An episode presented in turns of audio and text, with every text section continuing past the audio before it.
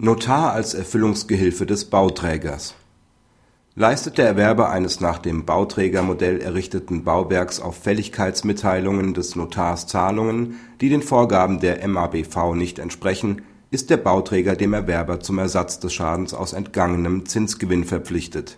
Das Verschulden des Notars bei Abgabe der Fälligkeitsmitteilung wird dem Bauträger zugerechnet der Erwerber vereinbart mit dem Bauträger einen grundsätzlich mit § 3 Absatz 2 MABV konformen Zeitplan für Teilzahlungen und führt diese jeweils aufgrund einer Fälligkeitsmitteilung des Notars aus.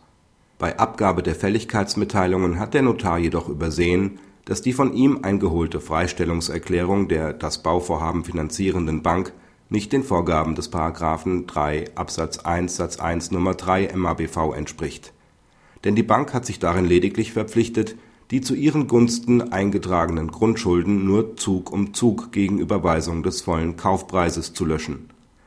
Erst nach umfangreichen Verhandlungen des Erwerbers mit der Bank erfolgt eine Einigung insoweit, als die Bank gegen Zahlung eines weiteren Betrags des Erwerbers die Löschungsbewilligung erteilt. Der Erwerber verlangt nunmehr vom Bauträger Ersatz des Schadens aus entgangenen Zinsgewinn und rechnet gegen die noch offene Forderung des Bauträgers, gerichtet auf Zahlung des Restkaufpreises, auf. Das OLG sieht vorliegend die Voraussetzungen eines Schadensersatzanspruchs des Erwerbers aus § 280 Absatz 1 BGB als erfüllt an. Verletzt hat der Bauträger die Pflicht aus dem Bauträgervertrag, die Voraussetzungen der MABV zu beachten. Indem der Notar die Verpflichtung übernommen hat, die Voraussetzungen für die Anforderung und Entgegennahme der Kaufpreisraten zu überprüfen die dazu erforderlichen Erklärungen entgegenzunehmen und den Parteien entsprechende Mitteilungen zukommen zu lassen, ist er insoweit zum Erfüllungsgehilfen des Bauträgers geworden.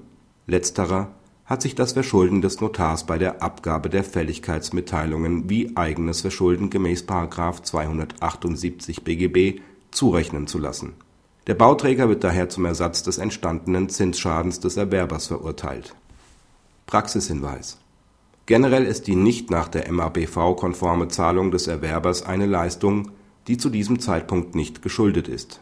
Neben einem Schadensersatzanspruch aus § 280 BGB sind Ansprüche aus den §§ 812 und 818 BGB denkbar, die den Vorteil haben, dass es dabei nicht auf ein Verschulden des Bauträgers oder seines Erfüllungsgehilfen ankommt. Dem steht nicht § 813 Absatz 2 BGB entgegen da die Annahme der Kaufpreisraten gegen ein gesetzliches Verbot (nämlich § 3 MABV) verstößt